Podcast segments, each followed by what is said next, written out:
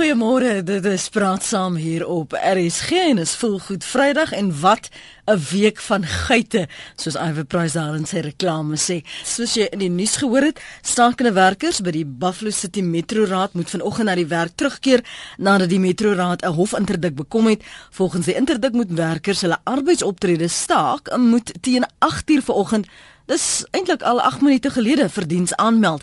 'n Aantal stakers is Woensdag in hegtenis geneem en hulle word aangekla van die beskadiging van munisipale eiendom nadat petrolbomme na die historiese stadsaal in Oos-London gegooi is. En waarom? Die werkers eis 'n 14de cheque.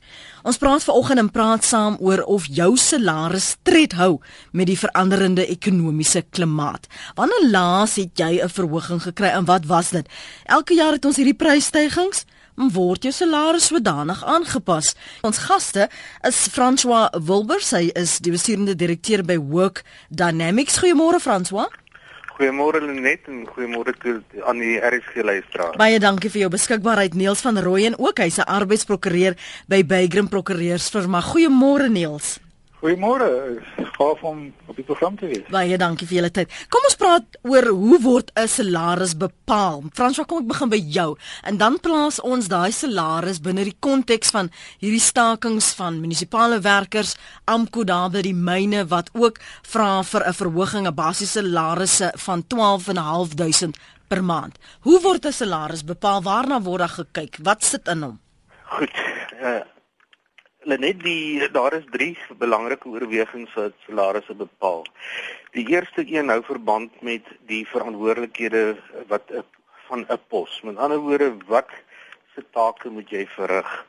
En ons weet almal dat uh jy kry poste met uh lae verantwoordelikhede en dan kry jy poste soos die tipies die CEO van 'n maatskappy wat uh jy weet baie groot verantwoordelikheid dra. So dit is die eerste ding die verantwoordelikheid van die pos. Dan die tweede ding gaan oor wat ons verwys na eksterne billikheid en dit gaan maar oor die markverwantheid van vergoeding. En daardie word gedryf deur die uh, besigheidsrede van jy wil graag sekere vaardighede wil jy werf en jy wil dit bou. Onthou ons investeer geweldige klomp geld in die ontwikkeling van mense en as ons hulle verloor dan is die koste daaraan verbond tussen 3 tot 4 keer hulle maandelikse salaris. Ehm um, wat dit jou gaan kos om daai persoon te vervang. So ons wil nie graag mense in die bedryf verloor nie. Dan kry ons natuurlik die sogenaamde werknemerbillikheid en dit verwys na basies die onderskeid wat getref word tussen werknemers op dieselfde vlak op grond van hulle kundigheid, met ander woorde hulle kwalifikasies hulle ervaring en dan ook hulle prestasie. Hmm. Dit is basies die drie goed wat bepaal uh wat iemand betaal gaan word. Hmm. Hoekom sien ons die laaste ruk so baie protesoptogte juis oor salarisse vanuit die arbeidsmark um, Niels? Ehm um, wel dink die grootste motivering is gewoonlik dat dat jou werknemer voel hy of sy verdien om meer betaal te word en wil meer betaal word. Een deel, een rede daarvoor is die ekonomiese situasie waar mense maand tot maand, jaar tot jaar verslegter omstandighede om die pryse so sterk skerp styg. Mm. En die ander faktor is maar die gewone mense wil net eenvoudig meer betaal word. Dit hang nie wendig af van jou uh, lewensomstandighede nie, maar is almal wil hulle self verbeter, almal wil vooruitgaan en almal wil iets meer in hulle sak hê. En in die meeste van die gevalle voel die werkgewers dan gewoonlik dat hierdie uh, vraag vir 'n verhoging nie redelik genoeg is nie of nie ekonomies haalbaar is vir hulle mm, nie. Mm, mm. En uh, gewoonlik is hulle nie baie gretig om die verhogings toe te staan nie. Dit is waarom die proteste plaasvind want die werknemers voel baie dikwels dat dit is die enigste uitweg. Hulle probeer onderhandel. Hulle voel hulle maak redelike aanspraak en die werkgewer wil dit nie toegee nie. En in sommige gevalle is dit seker so dat hulle baie vinniger staak as in ander gevalle want hulle voel dit is 'n beter stok om te gebruik om mm. iemand te ooreed om tot die uh, onderhandelingstafel te kom en te gee dat die werknemers se eise. Ek wil of julle albei vra.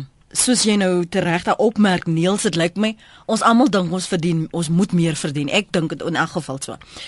Kan ek net vir julle vra is daar sekere bedrywe wat julle albei vanoggend hier vir ons luisteraars kan sê ja dit is werklik 'n bedryf 'n sektor waarna ons moet kyk veral as jy ten minste praat van 'n basiese loon? Daar is bekommernis daar dit binne die arbeidsmark is onredelik dalk.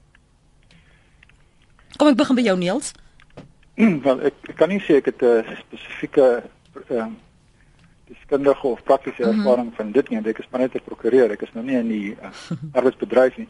Maar mens voel altyd dat ehm um, mens seker al jare lank so die polisie die uh, verplegings en baie keer onderwysers is die sektore wat vir wat die waarde wat hulle lewe vir die samelewing onderbetaal word. En ek dink die polisie is veral 'n sektor wat nog steeds daaronder lê die risiko's waaraan hulle blootgestel word teenoor die salaris wat hulle verdien voel vir my baie keer dat dit nie ehm, 'n um, redelike verband is nie. Mm. En vinnig van jou kant François vir ons na ons lyne gaan luisteraars wat wag om met julle albei te praat.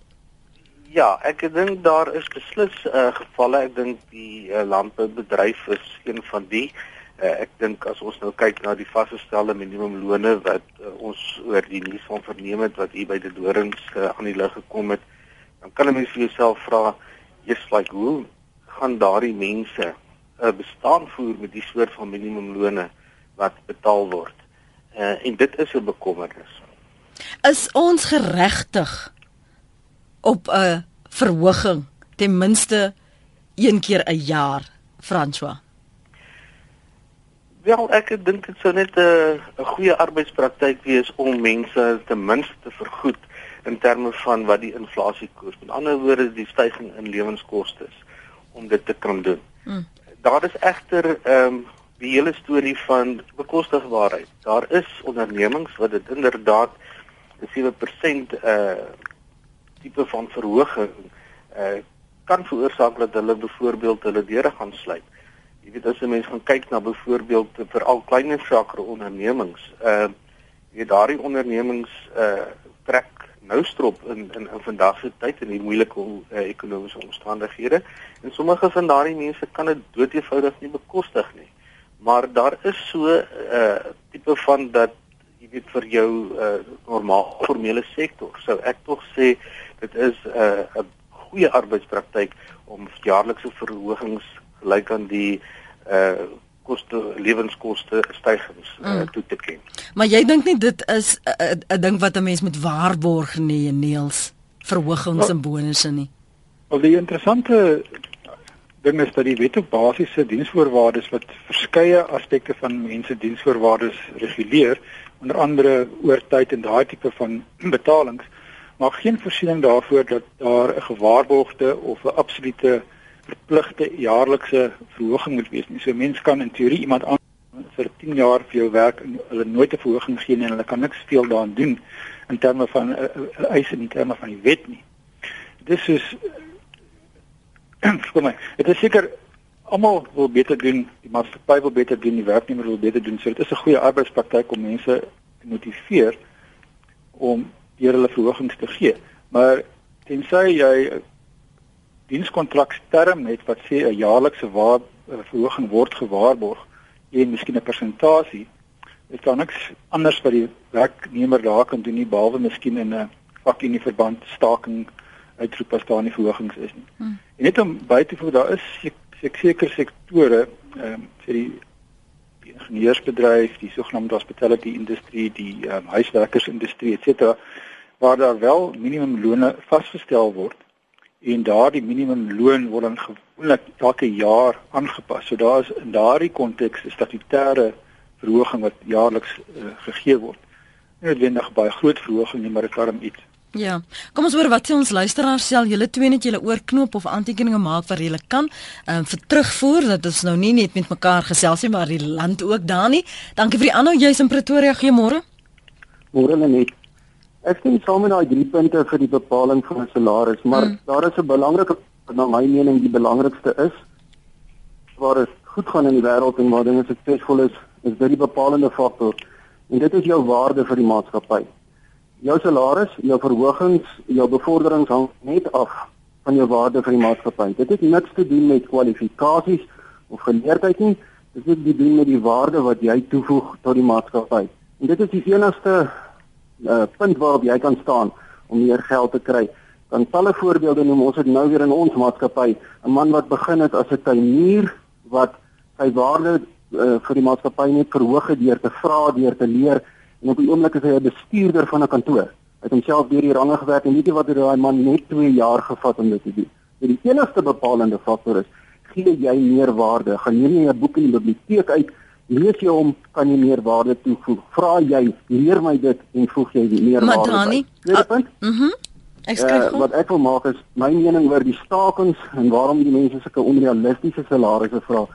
Ehm um, hulle sien mense wat deesdae aangestel vir belaglike salarisse. Ehm um, en as jy nou gaan teruggaan na my punt nommer 1 toe van waarde bepaal salaris word mense in Suid-Afrika belaglike salarisse betaal vir die werk wat hulle doen en die waarde hulle wat hulle bydra. En dan kom 'n cleaner of 'n myner of iemand wat 'n ongeskoolde arbeid verrig en hy sê maar jette, as daai ou kan sit en niks doen en daai geld kry, dan kan ek dit ook moet kry. So die dinge so bietjie skeef getrek in Suid-Afrika dat mense meer staan op regte in plaas van verantwoordelikheid vir 'n bydrae wat jy moet lewer. Maar nou wat wat maak jy met mense wat werklik voel en al sies hoeveel jaar by 'n maatskappy is en voel maar my my kwalifikasies, my ervaring, dit wat ek doen, ek gaan 'n ekstra myl, ek word nooit regtig gesmeek om uh, werk te doen of om in te staan nie. Hulle voel, maar ek is van waarde, ek dra groot bydrae, maar die baas of die bestuurder glo nie noodwendig nie en wil oortuig word. En dan aan die einde van die dag sê ag ja, ja, wel jy het 'n keuse. Jy kan hier bly of jy kan ry. Baie regverdige vraag Lenet. Ek persoonlik was in daai situasie net het gery. As jy regtig waarde het, sal iemand anders in 'n ander maatskappy daai waarde raak sien want jy sal dit kan bewys. Mm. En dan sal jy 'n beter posisie en 'n beter salaris kry. So, my aanbeveling aan iemand wat in so 'n situasie sit, moenie daar bly nie want daar is ander ouens wat daai waarde gaan raak sien en waar jy dan kan beter sien, maar jy kan nie of beter doen, maar jy kan nie na my mening kan jy nie daar sit in die plek onregeerbaar maak omdat jy nie raak gesien word nie. Skuif net. Dan sê, Dani, dankie man. Dani sê jy kan nie daar sit en die plek onregeerbaar maak nie. Skuif dan liewer. Babsie, welkom. Goeiemôre Lenet, dis Babsie wat praat. Hoor jy wie my man het 27 laas verhoging gekry. Hmm. En hy praat met die baas, 'n glimlag die baas net. Gee hom nie antwoord nie, niks nie. Elke maand dan dink ons wragtig ons gaan seker nou 'n verhoging kry, maar niks maak nie en hy's 'n side agent op die pad. Dit maak 'n ou hartseer. Jy weet nie wat om te doen nie. Mm. Want soos Loukie sê, hy wil nie praat nie. Want nou net sê die baas vir hom gaan. Ek het jou nie nodig nie. En waarheen gaan 'n mens dan? Elke vas in die bed. Mm. Dis al wat ek kan sê. Baie dankie Babsie. Dit is die die realiteit want ons ken en hoor en jy sal as arbeidsprokureur dit ook al gehoor het en neels mense voel ek het nie 'n keuse nie. Hierdie man sê dan nou vir my as ek nie gelukkig is nie, moet ek maar net waai en werk is skaars. Nou bly jy maar en jy sluk dit dag in en dag uit, maar hier binne brand jy. Ja, dit is 'n moet ek sê 'n besondere algemene gesprek wat ons het omdat ek het met mense wat my kom sien oor verskeie probleme. En as jy die individuele werknemer is, jy behoort nie aan 'n vakunie nie, nie jy behoort nie aan 'n vakunie wat militant genoeg is om iets te doen aan die storie nie. Is daar nie veel wat mense kan doen om jou werkgewer te oortuig om veel meer te betaal nie, onafgesien van jou waarde wat jy mag toevoeg of jou kwalifikasies nie. Want op die ou end is dit 'n dienskontrak. Dit is twee partye waartoe jy moet saamstem en as die werkgewer nie na die partytjie wil kom nie, is daar bitter min wat mense as individu kan doen. En die realiteit is dat die meeste mense voel deesdae vandag dit is as nie kans om te skuif nie. Salaris is 'n salaris eerder as geen salaris. Hmm. Hou jou salaris tred met die ekonomiese veranderende klimaat. Jy sien en weer ons het nou hierdie maand weer die prysstygings gehad. Het jy maar nou vrede gemaak dat jy gaan dalk nie 'n verhoging in jou salaris sien nie? Praat gerus saam. Wanneer laas het jy een gehad en wat was die persentasie en was dit iets waarmee jy regtig kon sê, "Wel, ek het dit verdien. Ek is heel gelukkig na my KPA gesprek met my bestuurder. Um, ons kan nou weer saamwerk."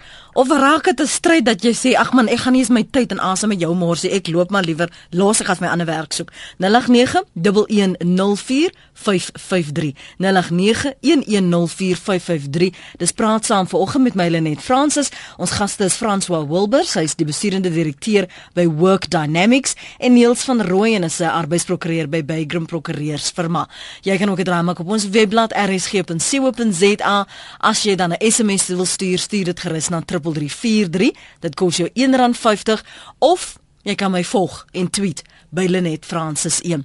Kom ons hoor gou wat sê Adri voor ons 'n breek neem. Adri, jy is in die Parel. Hoe lyk dinge daar? Nee, dit gaan goed. Dit gaan goed Lenet. Ehm um, ek wil nie, ja. Ehm um, ek wil net uitvind, ek weet nie of dit verband hou met die vraag nie, maar ek wil net uitvind of mikroleners ook onderhewig is aan minimum salarisse. O, ek sê ja, wat my werkgewer sê vir my dat ons is nie onderhewig aan minimum salarisse nie. Hy kan ons wat hy wil. Wat is die diensoor uh, kontrak dan? Wat sê dit? Hoe lank werk jy? Jou ure? Dan moet mos iets 'n ver, verwysing ja, wees hoe nee, jy jou geld is dit. verdien. Wys dit sê die ure wat ons moet werk Mhm. en dit sê dat jaarlikse verhogings in, moet in werking tree, maar ons kry dit nie. Ek het 10 jaar laat het ek 'n verhoging gekry. Ja, sover ek weet, val mikroleners nie onder enige van enige van die sektore waar daar so minimumloon bepaling is nie. Ja, Ek weet nie eers of hulle onder noodwendig onder die bankwese sou val nie, mm. maar selfs daar sover ek weet is daar nie 'n minimumloon ooreenkoms of Ja. bepaalde statutêre bepaling nie. So in daardie geval sê hulle maar onder die basiese diensvoorwaardes val en dan is die wat ek voorheen gesê het van toepassing dat daar geen wetlike verpligting is op enige werkgewer om 'n verhoging toe te staan of enige persentasie verhoging toe te staan. Van jou kant François, wil jy gou iets voeg? Byvoeg? Ja, ja, ek dink uh, ek stem saam daarso. Daar is nie sover ek weet enige ooreenkoms, uh, statutêre ooreenkoms wat minimumlone binne mikro lenningsbedryf uh, reguleer nie. Uh dis die een opmerking wat ek uh, wil maak. Ek dink jou eerste inbeller het die opmerking gemaak oor belaglike salarisse wat betaal word uh ten opsigte van sekere mense wat hy gesê het hulle sit en niks doen nie. Ek ek dink dis dan 'n bietjie kras. Ek dink dit nog miskien so lyk maar ek dink hulle dink. Ehm um, maar dit is 'n wesenlike probleem. Ek dink uh, as mens kyk na die soort van dubbelsyfer uh, verhogings waarvan die uh, mense in die mynbedryf praat ensovoorts. Jy kyk na die motiverings wat hulle gee daarvoor. Dit Mm. baie te maak met byvoorbeeld die uh, groot gaping tussen byvoorbeeld senior bestuurders se salarisse en dit wat die gemiddelde werker in die organisasie verdien. Mm. Adri, dis waar ons dit moet laat. Dankie vir jou oproep vanoggend na praat saam. 'n Frik van Kimberley sê die werkgewers kan nie al die verhogings plus luxuries wat mense wil hê absorbeer en dra nie met geen ekstra insette van die werkers nie. En Hendrik van Brakpan sê dit gaan nie net oor sommer net salarisse verhoog, produktiwiteit moet ook verhoog. As iemand skryf B nie 'n leefbare salaris betaal word nie, is dit uitbuiting. Punt. 'n Werkgewer het die plig om te sorg dat elkeen van sy werknemers kan leef. Dan sê Dan op Appington as jy elke dag jou werk doen met dieselfde geesdrif en ywer as wat jy met jou ou onderhoud uh, openbaar het, sal dit in alle waarskynlikheid met jou werk en met jouself beter gaan. En dan is hier 'n um, vraag van 'n luisteraar wat sê Lenet, nou wat sê jy as jou baas jou verhoging gee en na 2 maande dit weer terugvat? Niels, kan dit gebeur? Wel daar gebeur besonder vreemde dinge in die werksplek deur werkgewers wat globaalik niks van die wet weet nie of nie veel agslaan aan die wet nie of nie veel agslaan aan hulle werknemers nie. So ek is nie verbaas om so iets te hoor nie. Die interessante ding is dat vir 'n salarisverhoging is een van die min dele van 'n dienskontrak wat gewoonlik eensydig gewysig kan word en dit deur die werkgewer eenvoudig die verhoging toestaan Ehm, en die persentasie daarvan. As dit egter eers plaasgevind het, is dit die nuwe diensvoorwaarde waaronder die werknemer werk en dit kan dan nie wettiglik eensydig weggeneem word deur die werkgewer nie, want dis dan 'n eensidedige wysiging van 'n diensvoorwaarde wat onwettig is in terme van die wet. En mens kan dan in terme daarvan 'n dispuut verwys na die CCMA of enige bedingingsraad wat van toepassing mag wees op die uh, sektor waarin die persoon werk. Hmm. En jy kan seker ook 'n uh, teorie afhangende van wat die bedrag is en hoe lank dit gebeur het, uh, is 'n file eis instel om jou kontrakbreek te herstel. Die remedie daarvoor te kry.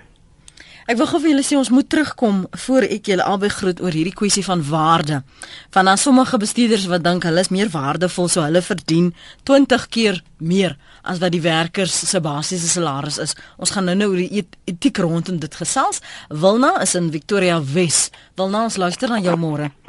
Môre net in jou gaste, Wilma van Victoria Wes. Ek is in die gastebedryf. Jong, ek was op pad met my mandjie tussen die kombuis en my huisie toe ek julle hoor gesels het. Ek wil net 'n vraagie vra. Ehm um, iemand het gesê daar is nie wetgewing rondom verpligte verhogings nie. En tog word jy by die gaste uh, bedryf skryf hulle voor die basiese salaris en 'n verhoging van CPX plus 2%. Ehm um, is is daar 'n verduideliking voor wat dan nou van daar is nie wetgewing rondom verpligte verhogings nie.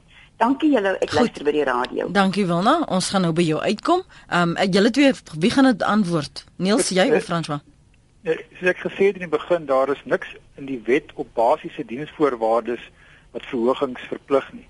Maar die gastehuis val in die sogenaamde hospitality industry en daar is 'n sektorale bepaling wat 'n minimumloon en die jaarlikse minimum salarisverhogings bepaal. So dis 'n nie meer so 'n uitsondering tot die wet nie, maar dis 'n ander tipe bedryf waar daar 'n spesifieke statutêre bepaling is oor minimumlone en minimumverhogings op jaarlikse grondslag. Anoniem so jy sê jy moet maar jou goed en vat en trek vir hier as jy nou nie gelukkig is of nie. Hallo Lenet, praat jy met my? Ek praat met jou. Ja, jy sê mos om mens ja. moet maar liewer waai. Ja, ehm um, my dogter, sy was in die ehm um, chefbedryf. Mm. En sy het nou maar 6 maande daar gewerk. Sy het wel 'n verhoging gekry. En maar sy het gesien sy stagneer daarso nou en ehm um, sy gaan nie vorentoe kan kom nie en dis die atmosfeer daarso is baie gespanne en sy is bitterlik ongelukkig na werk. En ehm um, sy het haar CV uitgestuur en sy het Tjoefchaf 'n werksaanbod gekry waar sy ehm um, dis 'n ander tipe werk en ehm um, maar sy het 'n uh, dis 'n baie beter werk ook en sy kry 70% meer. So die mense dis wat jou een inbeller gesê het net om maar as jy voel jy ehm um, is waardevol vir die maatskappy maar hulle sien dit nie raak nie. Kyk uit vir iets anders, beweeg aan. Daarmee dit is my my punt wat ek wil maak en daarmee stem ek heeltemal saam. Goed. Anoniem daar op Hermanus so net van 'n Merwe in Pretoria sê ek verstaan dat almal beter af wil wees en ek verstaan dat almal meer wil hê, maar wat ek nie verstaan nie, die mense sien hoe sleg gaan dit in ons land. Mense word links en regs afbetaal as gevolg van stakings wat ons ekonomie verswak. Ek verkies regtig eerder om my werk te hou en tevrede te wees met 'n kleiner verhoging as om 'n redelike eise te stel en dan die kans staan om my werk te verloor. Soms moet ons maar opofferings maak en ons sake beter bestuur. Dit gaan nie altyd sleg gaan nie. Alles het 'n draaipunt. Dis een mening op ons webblad rsg.co.za. 'n Anoniem sê ek werk al 5 jaar vir 'n skatryk dokter, maar het nog nooit verhoging gekry nie en hy sê ook altyd wil wil sien maar niks gebeur. Hy sê as ek nie tevrede is met my salaris nie, kan ek 'n ander werk gaan kry. Ek ongelukkig nie 'n ander werk kry nie. Ek het aan 'n unie behoort, maar hulle kan my nie help nie aangesien ek alleen in die kantoor werk en nie op slow go kan gaan om hom te forceer om te onderhandel nie. Dankie vir daardie uh, e-pos anoniem doen waardeer dit. En um, Jolanda sê ons salarisse bly agter. Sy tweet dit. Skoonmakers kry 7% verhoging en ons moet tevrede wees met 3%. Dis onregverdig. Andre in Pretoria. Hallo Andre. Môre Lenet. Môre. Andre man, ek wil graag sê ek is 20 jaar in die bedryf gewees. En watter bedryf nou? In die motorbedryf. Ja. En nou 2, 3 jaar wat hulle jou uh uh 13e check ook weg. So wat doen ou dan? Moet hy ook maar loop of? Niemand dis mos niemand kan vir jou sê of jy moet loop of nie loop nie. Dis 'n besluit wat 'n mens maar vir jouself moet maak en en Ja, maar in 20 jaar het hy ook mos 'n bietjie verantwoordelikheid dat 'n ou Absoluut. Nee, ek stem met jou saam. Ek stem absoluut met jou saam, maar wat ek bedoel is, my gaste kan nie vanoggend of ek nog minder vir jou sê, maar nee, jy kan nie so behandel word nie. Hoekom sit jy nog daar nie? Verstaan jy aan die einde van die dag Ja. na aanleiding van wat hulle sê, is dit nog steeds jou besluit want dis jou werkdag. Jy sit daar, jy verduur dit. Ons het nie insaag in dit nie. O nee, dankie hulle nie. Kom ons hoor gou of jy dalk wel daarop 'n kommentaar wil lewer.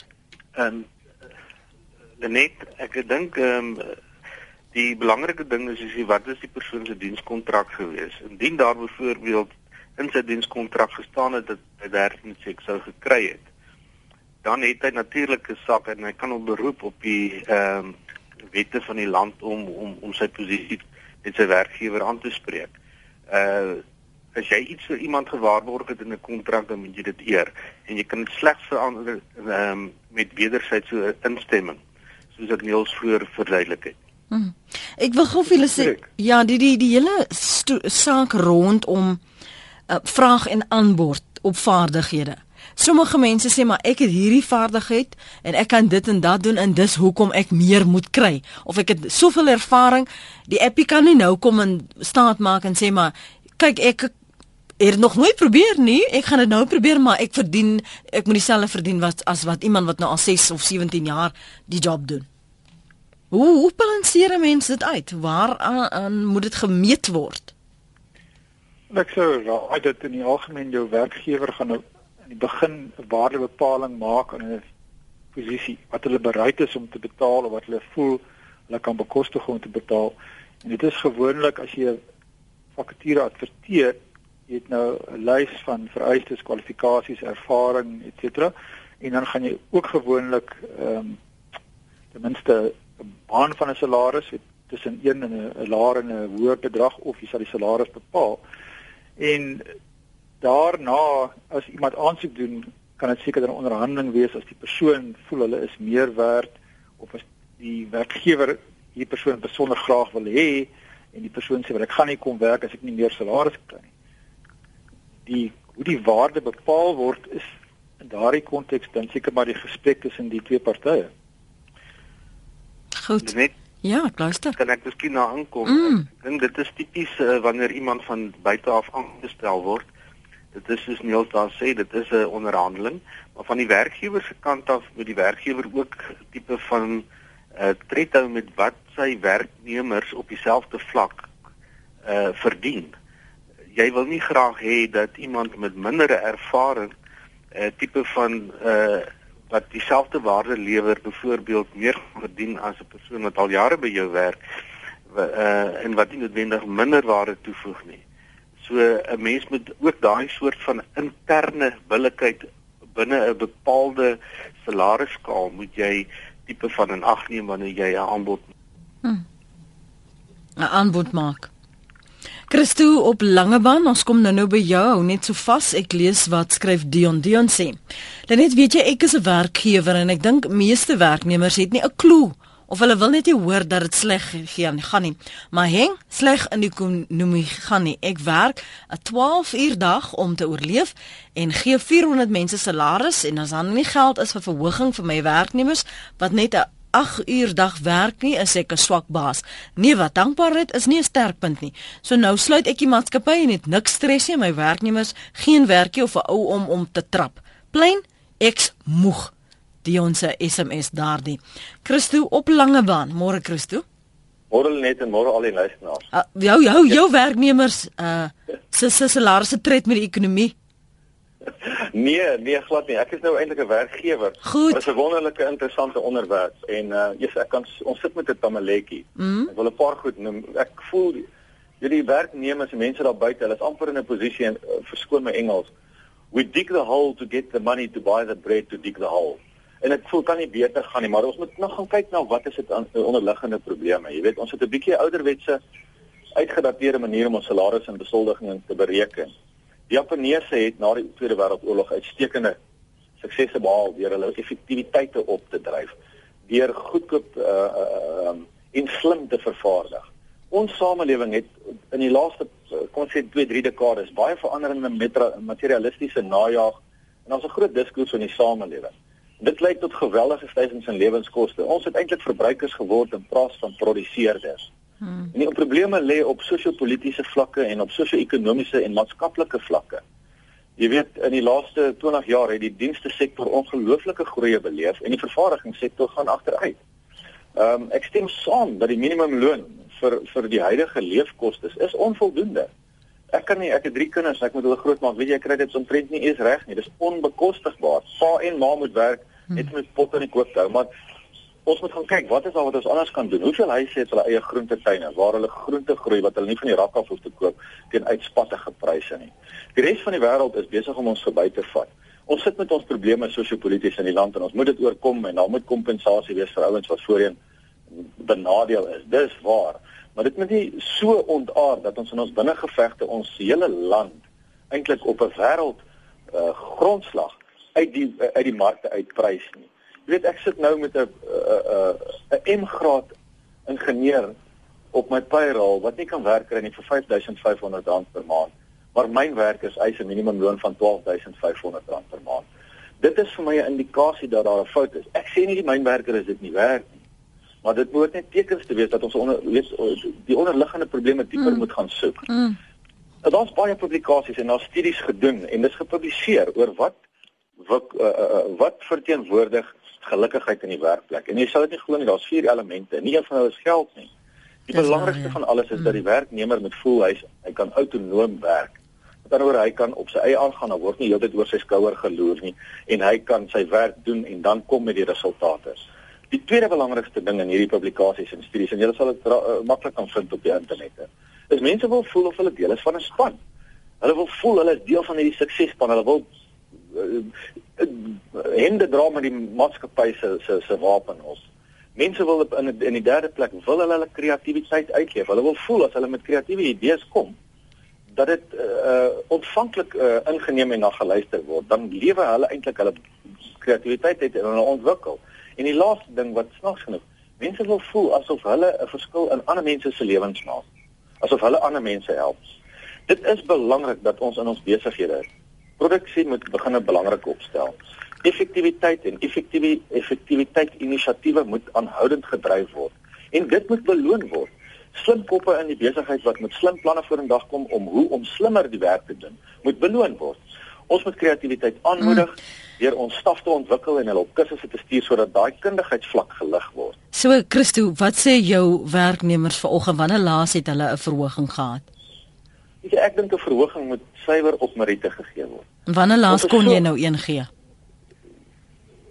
Weet jy ek het in die laaste 5 jaar kon ek nie een gee nie. Mm. Ehm um, maar dit beteken nie dat daar ander buite die salarisdeel. Almal sit wag vir daai 13de cheque in Desember en dan kom dit nie. Maar as jy 'n ander kultuur in jou besigheid skep waar jy sê luister hierso wie van julle stel belang om verder te ontwikkel op kort kursusse.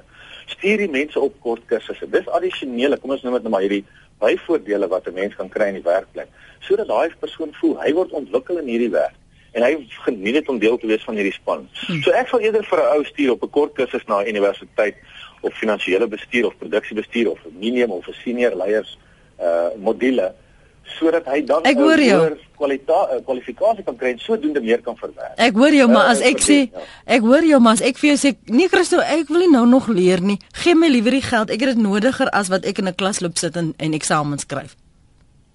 Nee, dit dit dit, dit gaan nie werk nie. Daai daai ouens gaan agterraap en die ouens wat wil werk en sinvol en slim werk, hulle gaan in die werksposisies, hulle gaan met die jobs op hou. Goed, Christo, dankie daar in Langebaan.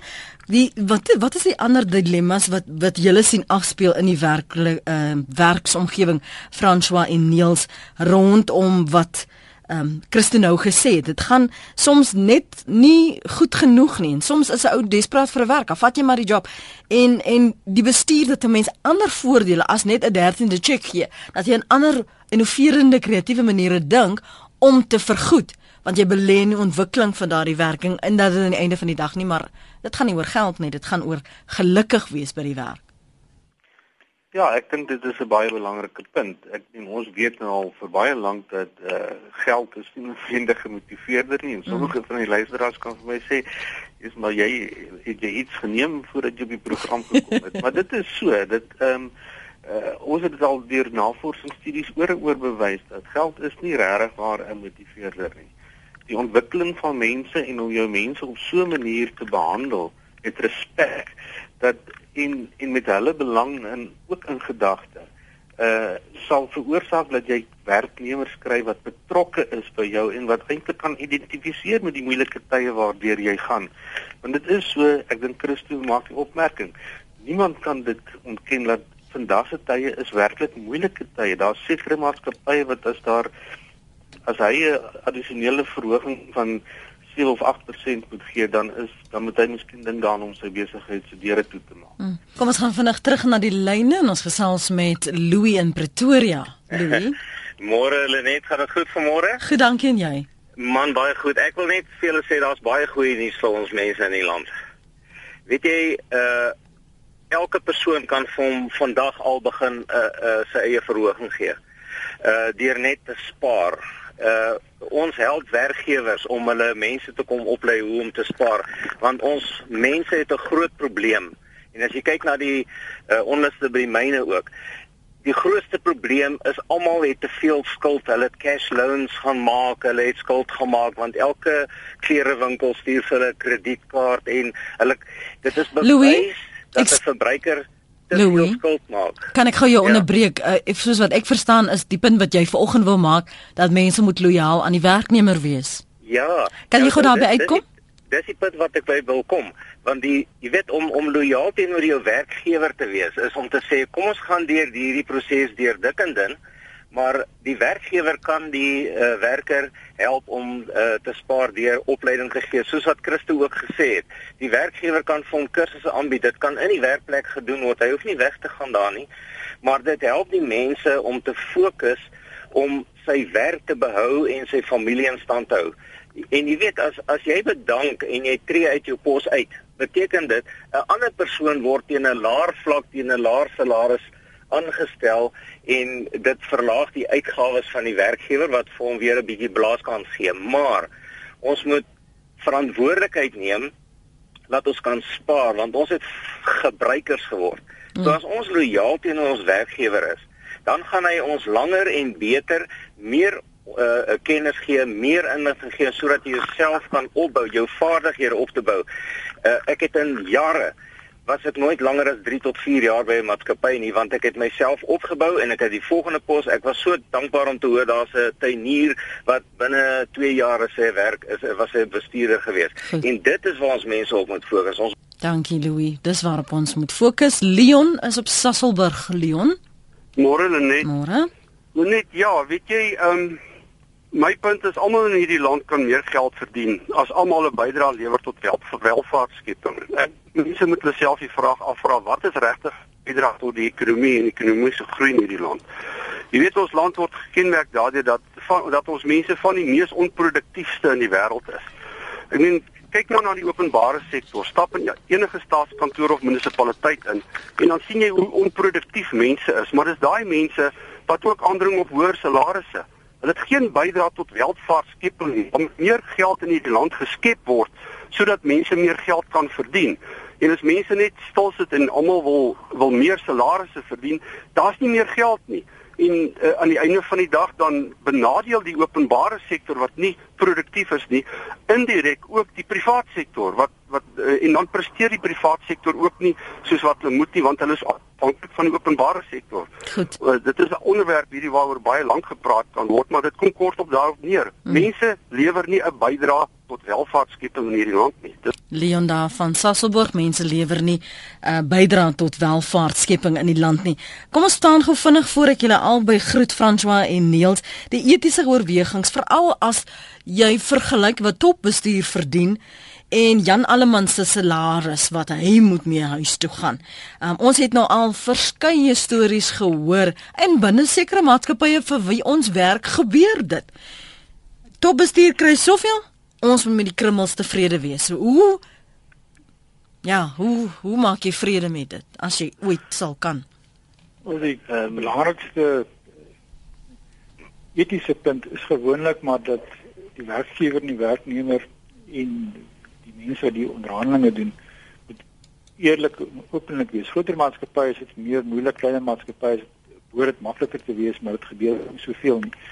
Dat die werknemer weet wat hulle waarde is, weet wat die ekonomiese situasie is en as daar 'n probleem met salarisverhogings of salarisaanpassings is, dat hulle net verswyg word deur die werkgewer en glimlag soos die een uh, luisteraar gesê het nie maar daar is gesprekke daaroor want in baie gevalle een van die faktore wat 'n uh, werker dink ek meer tevrede maak in die werksplek is om deel te wees van die span in die sin daarvan dat hulle geken word en redelik behandel word as volwassenes as sulke tipe besluite geneem word of sulke tipe uh, faktore ter sprake kom eerder as om maar net uh, die agtergrond geskuif te word.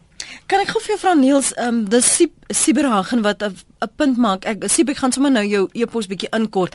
Hy sê net 'n stywer in die arm wees indien die vakante pos advertensie lui die salaris is markverwant, dan moet jy weet dit is nie markverwant nie. Met staatsdienposte wat geadverteer word, is dit met skale en salarisse daaraan gekoppel. Is die salarisse wat, wat ons in alle sektore of dan die meeste sektore verdien, is dit wel markverwant, Niels? Hierdie is ek is maar net 'n arbeid Ja, François, ekskuus. Ek, ek, ek weet nie ja. wat wat markverwant is in enige besondere mm. uh, sektor of hoe mense bepaal. Verskoon my ja, François, ek bedoel François. Ja. Net ehm um, markverwant is gewoonlik wanneer jy darm uh, op grond van 'n salarisopname kan bewys dat dit 'n markverwante salaris. Jy weet daar is 'n heelwat uh, salarisopname ehm um, diensverskaffers wat dit uh, vir 'n besigheid doen uh en hierdie goed is beskikbaar en hulle sal vir jou sê met die statistiek, jy weet, ehm uh, dit is die tipiese salarisse wat betaal word vir hierdie soort van posisie binne hierdie soort van bedryf. So dit is hoe jy gaan bepaal of iets maar verwant is al dan nie. 'n Mens moet egter onthou daar is ander oor uh, oorwegings soos bekostigbaarheid. Tipiese kleiner organisasies wat pas begin, betaal nie noodwendig ehm um, markverwante salarisse nie. Hulle betaal wat hulle kan bekostig om te kan oorleef. Hulle sal later van tyd miskien na markverwante salarisse beweeg, maar nie onmiddellik nie. Wat sê die wet? Wat kan ek as 'n werker doen as ek ongelukkig is met die aanbod of die verhoging van my werkgewer Neels? Wel, daar is nie veel nie. Omdat dit 'n kontraksoonderhandeling is of 'n kontrakswysiging is, moet dit beide partye wees wat saamstem. As jy nie hou van die aanbod nie, hoef jy seker nie die werk aanvaar nie. As jy nie hou van die salarisverhoging nie, en tensy jy in 'n sektor is waar daar 'n verpligte verhoging is of tensy jy in 'n vakbond behoort waar aksie geneem kan word, is jy as werknemer redelik ehm um, sonder enige remedie. Jy, jy kan grief lig Jy kan seker sê wel as jy my wil 'n salarisverhoging gee nie gaan ek net letterlik my werksure werk en niks meer nie en geen waarde toevoeg nie. Maar behalwe dit is daar nie wesenlike manier hoe jy werkgewer kan dwing om jou iets te betaal nie. Baie dankie vir julle tyd vanoggend. Niels van Rooyen, arbeidsprokureur by Bygrim Prokureursfirma en François Wilbers, besturende direkteur by Work Dynamics. As jy weer na die program wil luister, baie dankie François en Niels, kan jy dit draai gaan maak op ons webblad rsg.co.za. En vir meer sake van aktuële belang kan jy aansluit by die Fokusspan sonnaande om 07:30 op SABC2. Hier is 'n SMS wat ek sopas gekry het. Ha ha nadat ek my SMS gestuur het deur almal wat salarisse gekry het behalwe ek, die werkgewer, ontvang ek hierdie SMS. Need alone, call. Geniet die dag, sê die luisteraar.